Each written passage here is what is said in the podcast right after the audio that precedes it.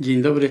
Dzisiaj porozmawiamy o temacie, który jest e, prawdopodobnie dosyć, można powiedzieć, delikatny, jeżeli czasami wręcz nie okazuje się drażliwy dla niektórych osób, e, a mianowicie co robić ze zwłokami czasem naszych bliskich, czasem osób, które po prostu znaliśmy, za które czuliśmy się odpowiedzialni, nawet jeśli nie mieliśmy takiej silnej więzi emocjonalnej, ale ogólnie rzecz biorąc, kiedy ktoś umrze i w naszej gestii jest e, zdecydowanie, co będzie się działo dalej z zwłokami, co z punktu widzenia buddyjskiej nauki powinniśmy e, zrobić, jak powinniśmy postąpić. Temat, tak jak powiedziałem, jest delikatny, ponieważ faktycznie leży on na pograniczu dwóch kultur. I jest to jedno z zasadniczych pytań, gdzie, jak dalece różnice polegają tylko na tradycji kulturowej danego kraju, a na ile są zakorzenione w buddyjskim poglądzie i w buddyjskim podejściu. Jest to również pytanie, jak dalece możemy sobie pozwolić na adoptowanie naszych lokalnych zwyczajów, naszych lokalnych poglądów, a w którym momencie staje się to już przekroczenie pewnej takiej czerwonej kreski i zmienianie istoty nauki Buddy. Tego rodzaju tematów właśnie polegających na przenoszeniu darmy z jednej kultury do innej jest bardzo dużo i w bardzo wielu przykładach znajdziemy E, takie zasadniczo odmienne podejście do różnych zagadnień. Bardzo często nie zdajemy sobie sprawy, jak bardzo nasza kultura jest przesiąknięta poglądami, nie wiem, czy wywodzącymi się ogólnie rzecz biorąc z chrześcijańskiego podejścia, czy też może nawet jeszcze głębiej sięgając na różnych poglądach zakorzenionych gdzieś e, w Starym Testamencie, czy w ogóle w, w całej tradycji z Bliskiego Wschodu. To, to jest oczywiście dobre e, pytanie do kulturoznawców, do, do, do rozmaitych badaczy historii. Niemniej, z punktu widzenia przynoszenia nauki buddyjskiej do krajów zachodnich, bardzo, bardzo często spotykamy się z tym, że próbujemy pewne wzorce, pewne schematy myślowe, również emocjonalne, w których się wychowaliśmy, przenieść na buddyzm i popełniamy w związku z tym często błędne interpretacje nauk buddyjskich. Choćby, żeby sięgnąć po taki przykład, jak często ludzie mylą karmę z przeznaczeniem. Jak bardzo odmienne jest podejście chociażby do seksualności człowieka. Mimo, że gdzieś w końcowych, w końcowych takich wnioskach etycznych można powiedzieć, o, znajdujemy tak dużo podobieństw między etycznością buddyjską a etycznością chrześcijańską, nie krzywdzić innego i tak dalej, są podstawowe korzenie, a jednak takie mm, mentalne i emocjonalne nastawienie ma zupełnie inną podstawę. Podobnie olbrzymie różnice E, są w podejściu do ciała. Można powiedzieć, że w tym, jak traktuje się swoje ciało z punktu widzenia myśli buddyjskiej i z punktu widzenia chrześcijańskiej, to są naprawdę dwa odmienne światy. Jak traktuje się ciało za życia. I tutaj w tradycji buddyjskiej oczywiście też mamy różne nurty, różne kierunki. Mamy te najbardziej podstawowe nauki, w których uczymy się tego, jak pięć psychofizycznych składników osobowości, jak pięć skand jest nieczyste ze swojej natury, jak powinniśmy porzucić lgnięcie do nich. Z punktu widzenia nauk Mahajany uczymy się tego, jak mimo iż są puste, przepraszam, chciałem powiedzieć, mimo iż są nieczyste, to w swojej istocie są puste. Jeśli się zrozumie ich pustość, to nie ma potrzeby budzenia w sobie jakiegoś, em, można powiedzieć, takiego podejścia polegającego na porzuceniu. Przy czym teraz oczywiście nie ma, nie ma czasu na takie bardzo szczegółowe rozmowy na ten temat. Jaka jest różnica między porzuceniem a pogardą? zachodnia filozofia, zachodnia w ogóle historia tutaj e, podejścia do ciała zawiera w sobie tak wiele elementów, tak wiele wątków, które zawierały w sobie wręcz pogardę dla tego, co cielesne i dla tego, co ziemskie, a dążyło się do czegoś takiego ponadcielesnego. Takie podejście nigdy nie towarzyszyło e, buddystom. Zresztą wydaje mi się, że tego rodzaju wątki dobrze by było e, prowadzić na zasadzie dialogu z kimś, kto jest znawcą naszej zachodniej kultury i, i kto umiałby też e, dobrze znaleźć właśnie jakieś i punktystyczne, i rozbieżne. Niestety, e, mimo że próbuję wśród przyjaciół i znajomych szukać kogoś, kto E, pomógłby mi w zmianie formuły takich spotkań internetowych jak dzisiaj, żeby mój monolog zmienić w jaki, jakiś rodzaj dialogu. Niestety nie znalazłem nikogo chętnego podnieść e, rękawice, czy też podjąć się takiego wyzwania i po prostu takiego przyjaznego, przyjacielskiego dialogu na razie nie, nie prowadzę. Poza kamerą, och, przeciekawe rozmowy. Przed kamerą większość ludzi mówi nie, nie, nie. Natomiast y, różnice polegają też w podejściu do tego, jaka jest relacja pomiędzy cielesnością, pomiędzy naszym ciałem, a tym, co jest niecielesne. I różnice wynikające w tym, jak traktuje się ciało osoby zmarłej zanim zacznę mówić o takich bardzo praktycznych, bardzo praktycznych, e, można powiedzieć, e, poradach, sposobach podejścia do, do tego, jak traktować ciało zmarłej osoby, myślę, że trzeba najpierw kilka zdań pewnego takiego szerszego spojrzenia na buddyjski pogląd, czy też można powiedzieć światopogląd. Otóż podstawą nauki buddyjskiej, która uczy, w jaki sposób przejawiają się wszystkie zjawiska, podstawą jest pogląd, że wszystkie zjawiska biorą się z przyczyn. Nic nie pojawia się bezprzyczynowo. I oczywiście w dyskusjach filozoficznych prowadzi się tutaj e, całe rozumowania pokazujące, w jaki sposób przyczyna i skutek muszą mieć taką samą naturę Dlatego na przykład y, przestrzeń nie może być przyczyną, z której wyrasta kwiat. Kwiat wyrasta z nasionka, które ma podobną naturę jak kwiat. Oczywiście znowu jest pytanie, co to jest natura, i tutaj e, potrzeba by e, takiego bardzo precyzyjnego zdefiniowania, co w tradycji buddyjskiej rozumie się pod pojęciem natury. Że na przykład kamień nie może wytworzyć kwiatu, nasionko może wytworzyć kwiat, gdyż mają podobną naturę. Pozostawiając na boku te już takie bardzo sofistyczne rozważania, zwróćmy uwagę na to, że ciało musi mieć, ponieważ jest substancjalne, jest materialne, jest fizyczne, musi mieć taką właśnie substancjalną przyczynę. I tu dla każdego buddysty jest oczywiste, że przyczyną ciała są komórki ojca i matki, które się ze sobą połączyły, dalej się rozmnażały i tak dalej. A więc nasze fizyczne ciało ma swoją fizyczną przyczynę. Natomiast bardzo wyraźnie rozgraniczamy, że świadomość, umysł, duch, no różnie możemy to nazywać, strumień świadomości, że jest czymś niesubstancjalnym, niematerialnym, w związku z tym nie może mieć materialnej przyczyny. Oczywiście pewnie wielu z nas od razu przypominają się z czasów szkolnych, szczególnie w moim pokoleniu, jak jeszcze e, uczyli nas e, materializmu dialektycznego, uczyli tego, że świadomość jest wtórnością materii, jest wytworem materii. Wszystkie procesy biochemiczne, czy mm, mm, związane z tymi mikroładunkami elektrycznymi.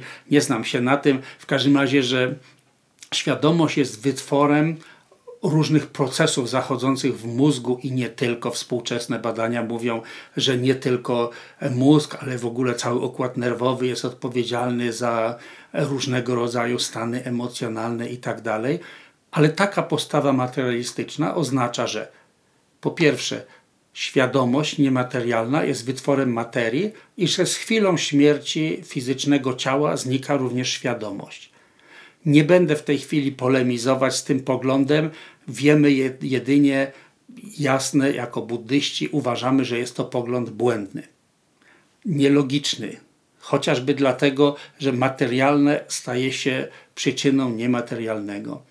Wiemy, że istnieją e, takie poglądy religijne, które e, twierdzą, że nasza świadomość jest wytworem jakiejś zewnętrznej, potężnej siły, i tutaj w tradycji hinduistycznej były różne koncepcje, jak różne bóstwa czy bogowie wytwarzają lub współwytwarzają świadomość. To też jest temat na e, inne rozważania. Dzisiaj chciałem doprowadzić to do takich bardziej praktycznych, e, bardzo praktycznych porad, ale nie możemy tego robić w oderwaniu od nauk.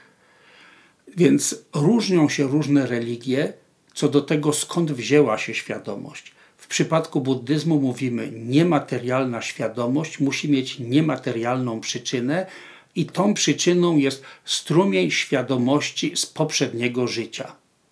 Tenże strumień świadomości w pewnym momencie niejako wkracza do swojego nowego ciała, zaczyna się z nim utożsamiać i znajdujemy w tak wielu e, chociażby poematach czy, czy innych tekstach buddyjskich znajdujemy takie stwierdzenia, że świadomość opuści hotel ciała, w którym była gościem. A więc ciało traktowane jak, jest jako coś, w czym tymczasowo przebywa nasz strumień świadomości. To, co nazywamy śmiercią, to jest ta chwila, kiedy umysł i ciało rozchodzą się. Zostaje przecięta ta więź, która była pomiędzy nimi. Są takie chwile w życiu, kiedy ta więź rozluźnia się, na przykład kiedy usypiamy i świadomość zaczyna projektować swoje własne, swoje własne sny, własne wyobrażenia, ale ta więź nie została całkowicie odcięta. Jeśli wtedy krzykniemy w pobliżu ciała, uszczypniemy śpiącego, to on się obudzi. Tymczasem ta więź jest odcięta całkowicie, ciało i umysł rozchodzą się, wówczas nazywamy to śmiercią. Jest to niezwykle ważne, iż z punktu widzenia buddyjskiego, jak świadomość opuściła ciało, to ciało staje się już zwłokami.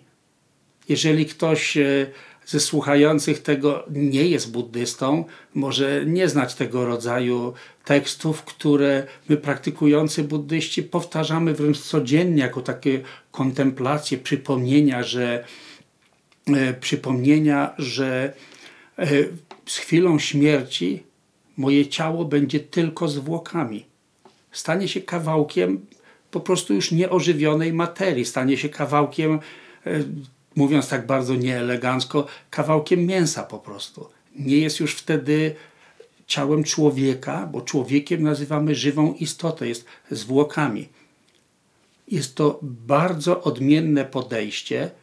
I znowu nie jestem tutaj kulturoznawcą i, i nie będę prowadzić szczegółowych analiz, skąd się to wzięło, chociaż prywatnie przypuszczam, że tak silne zainteresowanie tym, co dzieje się z ciałem zmarłego człowieka w naszej europejskiej myśli ma swoje korzenie w Starym Testamencie, czy ogólnie rzecz biorąc w tradycji judaistycznej, nie wiem czy inne kraje Bliskiego Wschodu też, czy inne narody Bliskiego Wschodu też utrzymywały ten pogląd o zmartwychwstaniu, zmartwychwstaniu w tym samym ciele. Nawet jeżeli różne odłamy chrześcijaństwa nie objaśniają tego zmartwychwstania w taki sam sposób, nie wiem tego, przypuszczam, że mogą się pod tym względem różnić, to jednak zawsze jest pewne założenie, iż ciało, które jest bądź co bądź stworzone przez Boga, w jakiś sposób wraca do Boga zmartwychwstanie. I nawet jeżeli jesteśmy buddystami, to bardzo często w naszych nawykach umysłowych, a to oznacza również, że w naszym emocjonalnym podejściu ciało jest czymś tak niezwykle wyjątkowym. Muszę powiedzieć, że często spotykam się z tym, kiedy, kiedy buddyści tracą kogoś bliskiego, kiedy, kiedy e, pytają się, co zrobić z, ze zwłokami zmarłej osoby, czy z ciałem zmarłej osoby, każdej chwili, prawie za każdym razem widzę, jak bardzo nawet wieloletni buddyści przesiąknięci są chrześcijańskim sposobem myślenia. i przywiązują tak wielką wagę do tego, co stanie się z ciałem. Niejednokrotnie nawet znajomi informują mnie i pamiętaj, dokładnie wtedy o tej godzinie będzie mieć, będzie mieć miejsce pogrzeb i właściwie samej ceremonii pogrzebu czasami, oczywiście jakbyśmy zaczęli tak przerzucać się na argumenty logiczne, każdy powie, że nie, ale jak widzę stan emocjonalny i widzę sposób podejścia do tego, to czasami mam wrażenie, że ten moment pogrzebu traktowany jest jako coś ważniejszego nawet niż moment, w którym ustał oddech i w którym została stwierdzona śmierć. Nie wchodząc w szczegóły, w jaki sposób współczesna medycyna definiuje śmierć mózgową, śmierć taką, mówiąc krótko, kiedy ktoś umarł. Otóż, jeżeli spędzilibyśmy wystarczająco dużo czasu w Azji, żeby poznać blisko kulturę azjatycką, azjatycką niezależnie od tego, o którym kraju mówimy. Czy to będzie e, naród tybetański, chiński, japoński, koreański, wietnamski. Wiemy, że różnice kulturowe między tymi krajami są przeolbrzymie. Z punktu widzenia różnych nawyków kulturowych, można powiedzieć, Europa jest bardzo różnorodna. Można powiedzieć, że Szwed i Włoch, Szwed czy Portugalczyk że myślą podobnie, bo wszyscy wywodzą się z kręgu chrześcijańskiego.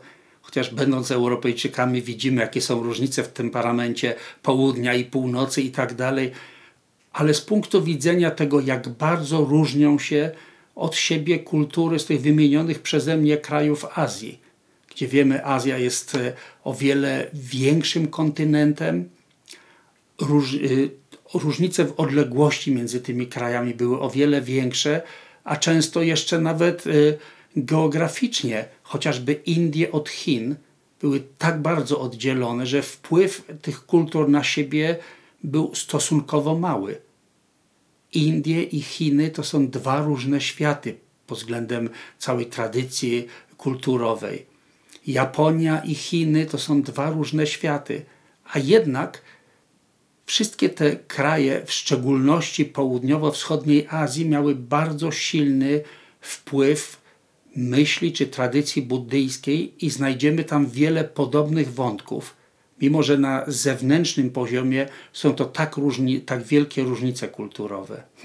Z punktu widzenia przeciętnego Europejczyka, który nie bywał wiele w Azji, może nie zdajemy sobie z tego tak bardzo sprawy, ale ja na tyle dużo tam podróżowałem, że naprawdę wiem, że kultura chociażby wietnamska i chińska, tajska czy indyjska i tak dalej są tak bardzo odmienne jednak pewne punkty są wspólne, dlatego że zasadzają się na podobnym poglądzie, chociażby na przekonaniu o reinkarnacji.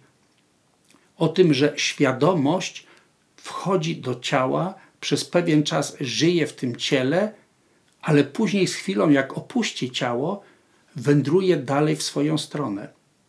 Więc dla buddystów najważniejsze jest to, co dzieje się z umysłem. Jako buddyści dużo większą wagę przywiązujemy do na przykład ceremonii religijnych przeprowadzanych w świątyni w intencji zmarłego niż ceremonii przeprowadzanych e, chociażby podczas pogrzebu. Nie twierdzę, że nie ma tradycji ceremonii pogrzebowych. Oczywiście, że są. Rozmawiam tutaj, czy mówię teraz tylko o takim punkcie ciężkości. I w tym kontekście chciałbym przejść już do takich bardziej właśnie e, praktycznych aspektów. Na przykład zauważyłem, że wśród wielu buddystów polskich i nie tylko. Również mam bardzo wielu przyjaciół, chociażby w Niemczech, w Danii, w Austrii i tak dalej, w różnych krajach europejskich.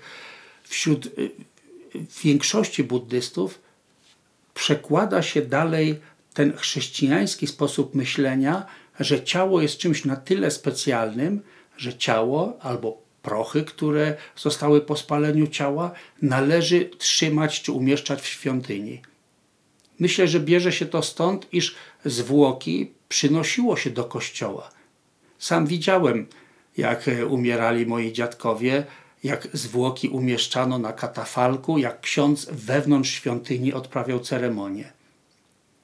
Nie wiem, czy zdajecie sobie sprawę z tego, że na przykład w Tybecie nie robi się czegoś takiego. Oczywiście wykluczam tu sytuację, kiedy ktoś, kto umarł, był niezwykle czystym, szanowanym mnichem, uważanym za jakiegoś urzeczywistnionego mistrza przepełnionego błogosławieństwami. Wtedy jego ciało staje się obiektem kultu religijnego. Jeśli kogoś się uważa za takiego świętego, to jest zupełnie inny przypadek. Ale kiedy mówimy o zwyczajnych ludziach, to zwłok nie umieszcza się w świątyni.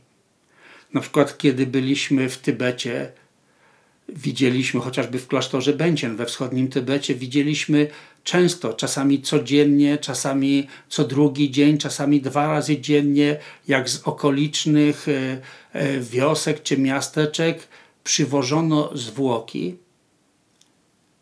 W jaki sposób? Najczęściej były one po prostu owinięte w jakiś materiał, przywożone, no cóż, jest to też kwestia może i zamożności ludzi z tamtego regionu, to znaczy powiedziałbym braku zamożności, że nie ma całego systemu takiego jak na przykład specjalne karawany przeznaczone do transportu zwłok, tylko po prostu na pace zwykłej półciężarówki umieszczano te zwłoki, przyjeżdż przyjeżdżano z nimi, także stawały przed świątynią, i nawet nie w środku świątyni, ale właśnie przed świątynią zbierali się mnisi tyłem do świątyni, na schodach czy na takim, można powiedzieć, tarasie przed świątynią, skierowani twarzą do zwłok, tyłem do świątyni, recytowali modlitwę.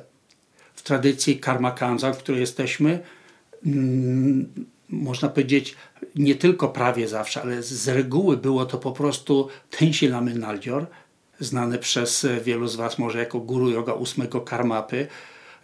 Ten tekst niesie ze sobą tak wielkie błogosławieństwo, że nawet jego wyrecytowanie wyzwala przez samo tylko słyszenie tych słów przez, e, przez e, osoby zmarłe, a zakłada się, przypuszcza się, że duch tej zmarłej osoby gdzieś przybył w pobliżu ciała, znajduje się w pobliżu ciała. Więc w tej intencji recytowano Guru Jogę ósmego karmapy, kilka dodatkowych modlitw, i dalej ciało wywożone, wywożone było już na cmentarz. Podobnie kiedy na przykład w Katmandu e, umarł ojciec jednego z głównych mnichów klasztoru, jednego z głównych e, umdze, tych odpowiedzialnych za śpiew, nie wnoszono e, ciała tatusia, naszego serdecznego przyjaciela i bardzo szanowanego mnicha, nie wnoszono ciała do świątyni, a umieszczono go w takim pomieszczeniu koło kuchni, w takim prawie że magazynku. I Tenga Rinpoche z grupą lamów, oni zeszli tam na dół i tam właśnie w tym pomieszczeniu, nie, jak, nie w żaden sposób nie sakralnym pomieszczeniu, tylko w takim technicznym pomieszczeniu, tam wykonywali modlitwy, tam wykonywali praktyki zadedykowane właśnie tacie. Więc to już jest pierwsza rzecz, która pokazuje e, taką dużą różnicę. Powiem, że widywałem e, w niejednym domu polskich buddystów, że fotografia zmarłej osoby znajdowała się na ołtarzyku. Pierwszy raz było to dla mnie nawet takie zaskakujące wtedy, jak pierwszy raz to jeszcze w połowie lat 80.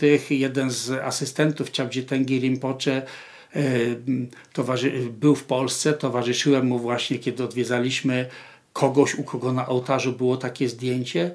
I on wręcz na wprost powiedział: Słuchaj, ale to jest niedobre dla tej zmarłej osoby. Jeśli jego duch jest w bardo i będzie widział, że inni się przed nim kłaniają, to może być to dla niego wielką przeszkodą. Może to sprowadzić wielkie oczekiwania, czy jakiś rodzaj dumy i bardzo złe odrodzenie dla niego i od razu zasugerował, żeby zdjęcie nie stało na ołtarzu.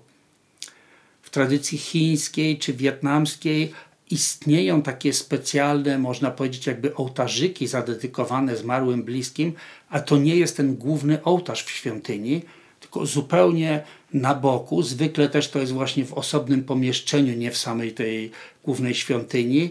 Jest takie miejsce, gdzie umieszcza się te zdjęcia. Swoją drogą, to już e, kiedy o tym mówię, włącza mi się zupełnie inny wątek, o którym wcześniej wspominałem, mianowicie pytanie, na ile możemy sobie pozwolić na zaakceptowanie lokalnych obyczajów, na ile musimy je zmieniać. Jest to niezwykle delikatna kwestia. Wiemy, że ogólnie podejście buddyjskie jest takie, aby działać zgodnie z sytuacją, co oznacza, że właśnie akceptować lokalne obyczaje, tak długo, jak długo one nie idą w jakimś negatywnym kierunku, nie tworzą jakiegoś cierpienia czy pomieszania. Dlatego, kiedy Dharma trafiała na przykład do Chin, Korei, Japonii, Wietnamu czy Tybetu, nabierała tradycja buddyjska nabierała tak bardzo kolorytu danego kraju, ponieważ bardzo chętnie wiele miejscowych zwyczajów po prostu adoptowano. Wiemy, że e, w chińskiej tradycji narodowej i no, przypuszczam, że trzeba powiedzieć religijnej, istniało coś takiego jak kult, kult przodków.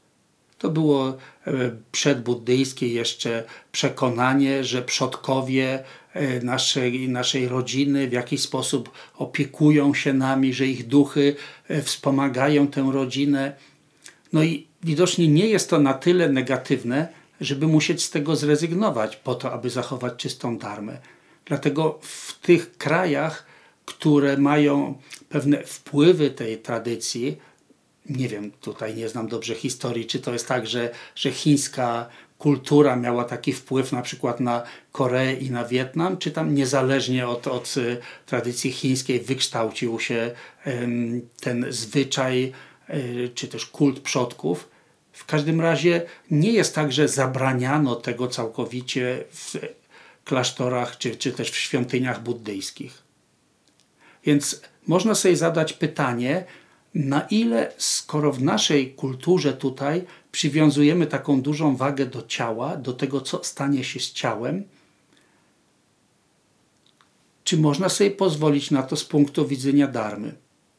Z pewnością nie jestem właściwą osobą, żeby dawać tutaj jakieś e, takie ostateczne odpowiedzi. Z pewnością jest to coś, co wymaga takiego naturalnego procesu. Na przestrzeni iluś pokoleń będzie się to kształtować. Jeśli ktoś będzie się wychowywać w domu, w którym jest przesiąknięty myślą buddyjską, na ile przez, na przestrzeni kilku pokoleń będzie się zmieniać to podejście. W każdym razie w chwili obecnej Warto jedynie wiedzieć, że najważniejsze to przykładamy wagę do tego, co dzieje się z umysłem. Wiemy z nauk buddyjskich i tutaj oczywiście można się odwołać chociażby do mojego cyklu e, nauk o Bardo, o tym stanie po śmier między śmiercią a narodzinami. Wiemy, że zwykle świadomość zmarłej osoby przez pewien czas, najczęściej przez trzy dni, chociaż bywa to różnie ten czas e, Dlatego mówi się, że jest nieokreślony. Bywa w indywidualnych przypadkach bywa to różny czas, że świadomość powraca do miejsc, gdzie ktoś żył. Bardzo często powraca do miejsca, gdzie jest ciało.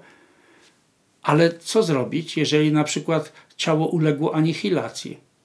Chociażby w wyniku pożaru czy jakiegoś wybuchu ciało zostało zniszczone albo zostały jakieś ledwie jakieś cząstki z tego ciała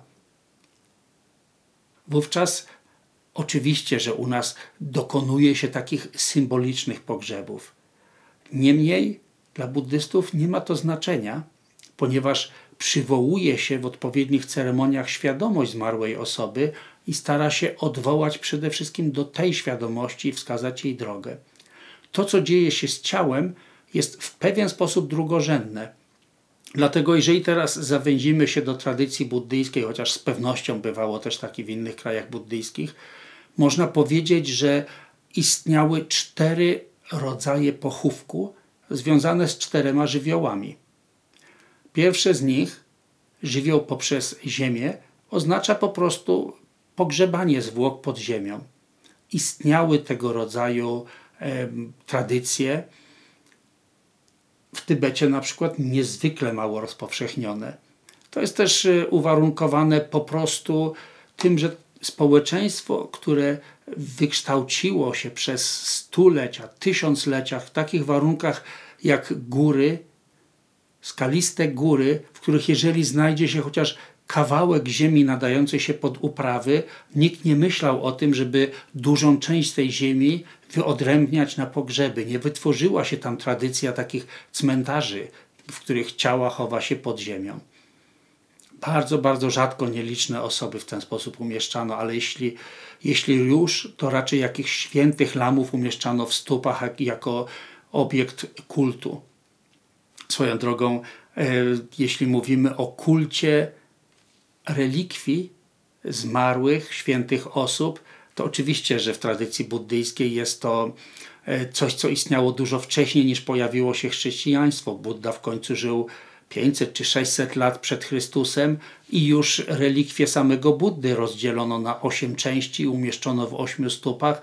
Później podobnie e, relikwie ciała różnych archatów przechowywano czasami na ołtarzach, w stópach, więc taki kult szczątków świętych w buddyzmie istniał od samego początku, ale to jest zupełnie poboczny temat.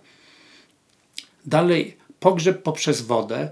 No, tak bardzo rozpowszechniony jest on w Indiach, kiedy się wrzuca e, na przykład ciało do rzeki Ganges.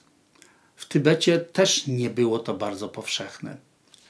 Pogrzeb poprzez, poprzez ogień, czyli po prostu spalenie zwłok, które wielu ludzi uważa za najbardziej takie, można powiedzieć, higieniczne.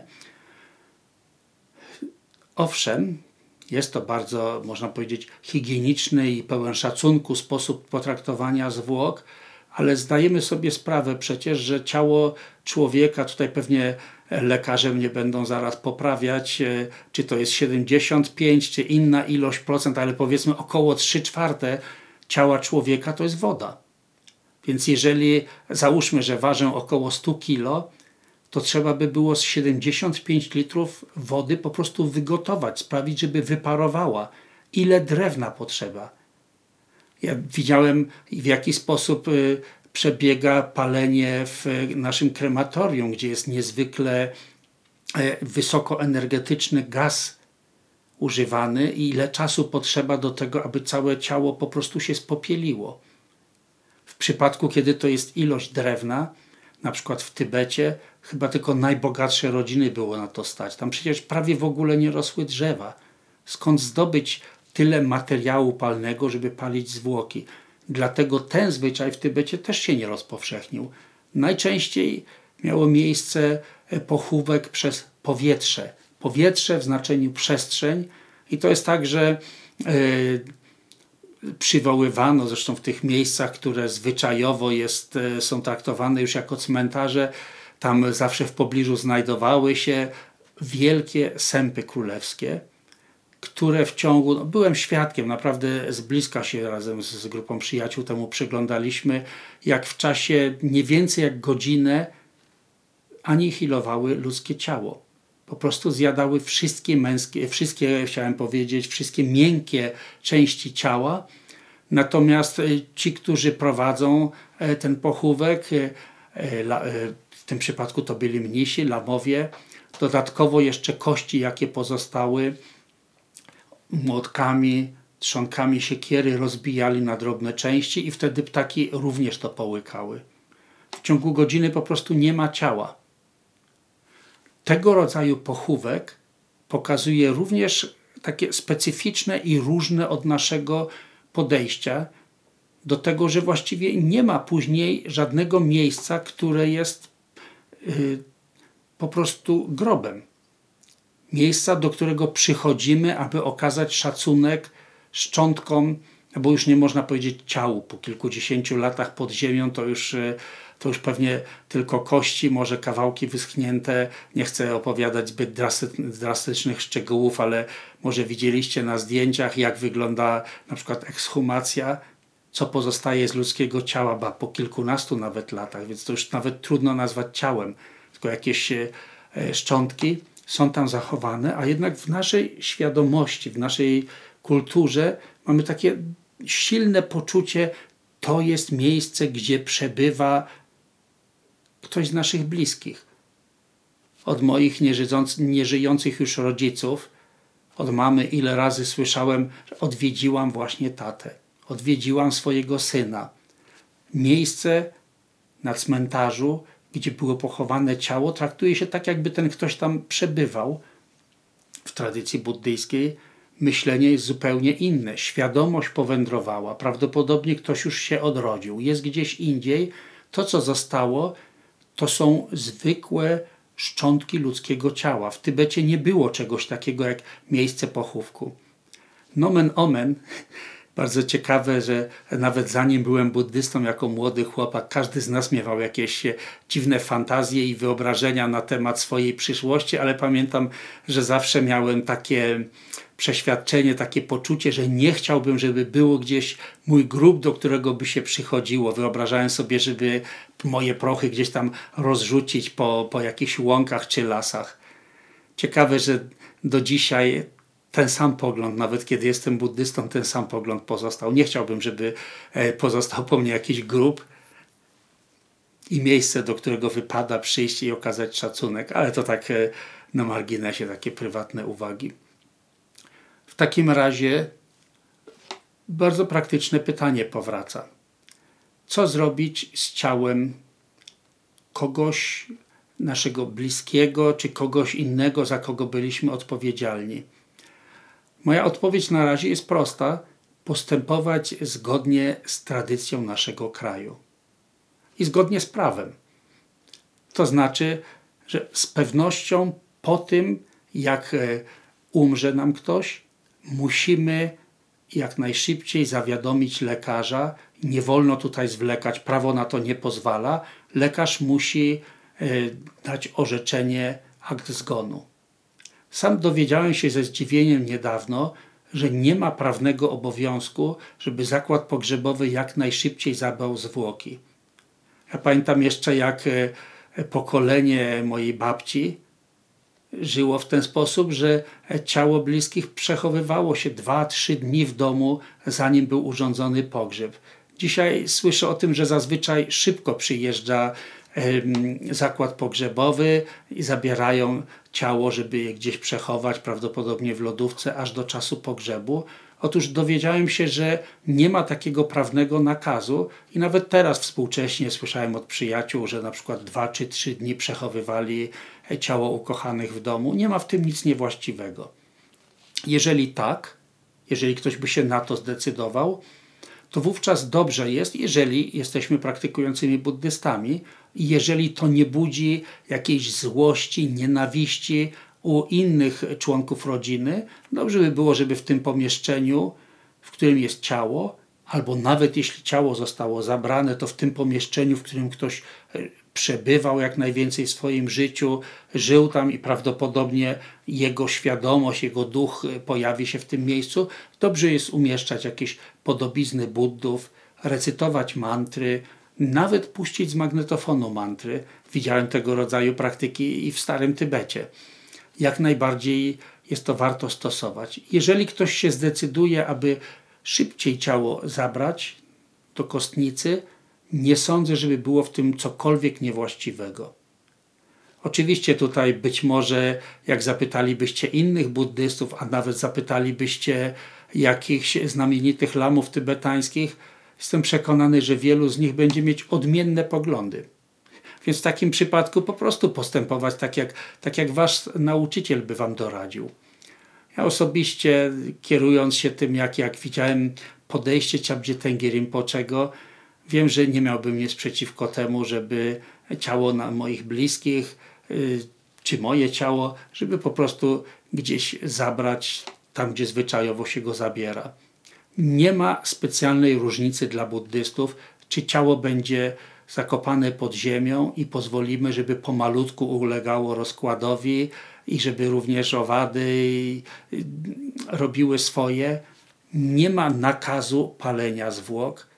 Mówię o tym, bo spotkałem się jednokrotnie z przekonaniem, że buddyści to powinni palić ciała swoje lub swoich bliskich. Nie, nie ma takiego nakazu. Absolutnie nie.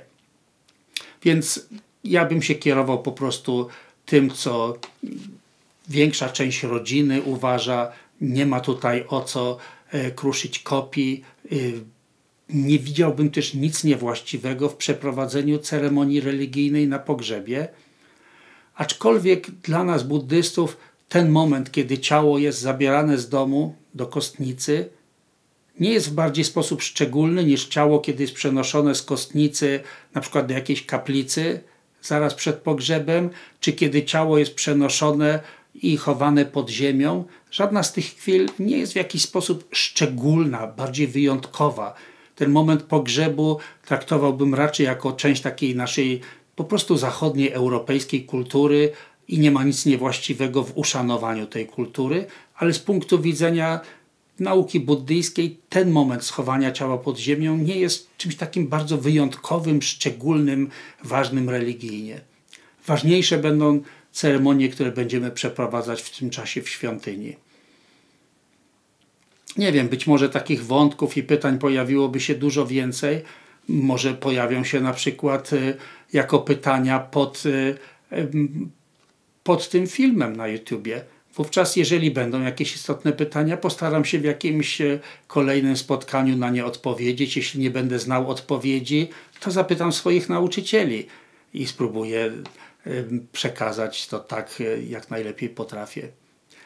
Jedno, co chciałbym podkreślić, że ciągle jesteśmy jeszcze na bardzo wczesnym etapie przenoszenia darmy z jednej kultury do drugiej. Ciągle jest tak, że w wielu elementach nasze emocjonalne podejście, nasze pewne nawyki, pewne wzorce są mocno zakorzenione w tej kulturze. Bardzo wiele czasu potrzeba. Zwykle, jak się popatrzy na procesy historyczne, to była to kwestia iluś pokoleń, potrzeba, żeby naprawdę w pewien sposób zmienić pewne wzorce kulturowe. Pytanie też, na ile jest taka potrzeba. Tam, gdzie te nasze i nawykowe schematy myślowe i emocjonalne różnią się od darmy i prowadzą was, nas w błędnym kierunku, jak na przykład traktowanie karmy tak jakby była przeznaczeniem, tak jakby już z góry wszystko było ukartowane, tak jakbyśmy nie mieli wpływu na kształtowanie swojej przyszłości. Jeśli spotykamy z taki, się z takimi postawami, wiemy, ok, to jest błędne. To prowadzi do pewnej abnegacji, to prowadzi do niebrania odpowiedzialności za swoje czyny, to prowadzi do czasami braku wielkiego entuzjazmu w poświęceniu się temu, co dobre i, szlachetne, takim biernym godzeniem się z tym, co, co po prostu życie nam przynosi. W tym przypadku warto dyskutować, warto przemyśliwać i wprowadzać zmiany. Ale są takie momenty, takie elementy, które naprawdę są bardzo drugorzędne i nie ma potrzeby, żeby na siłę je zmieniać.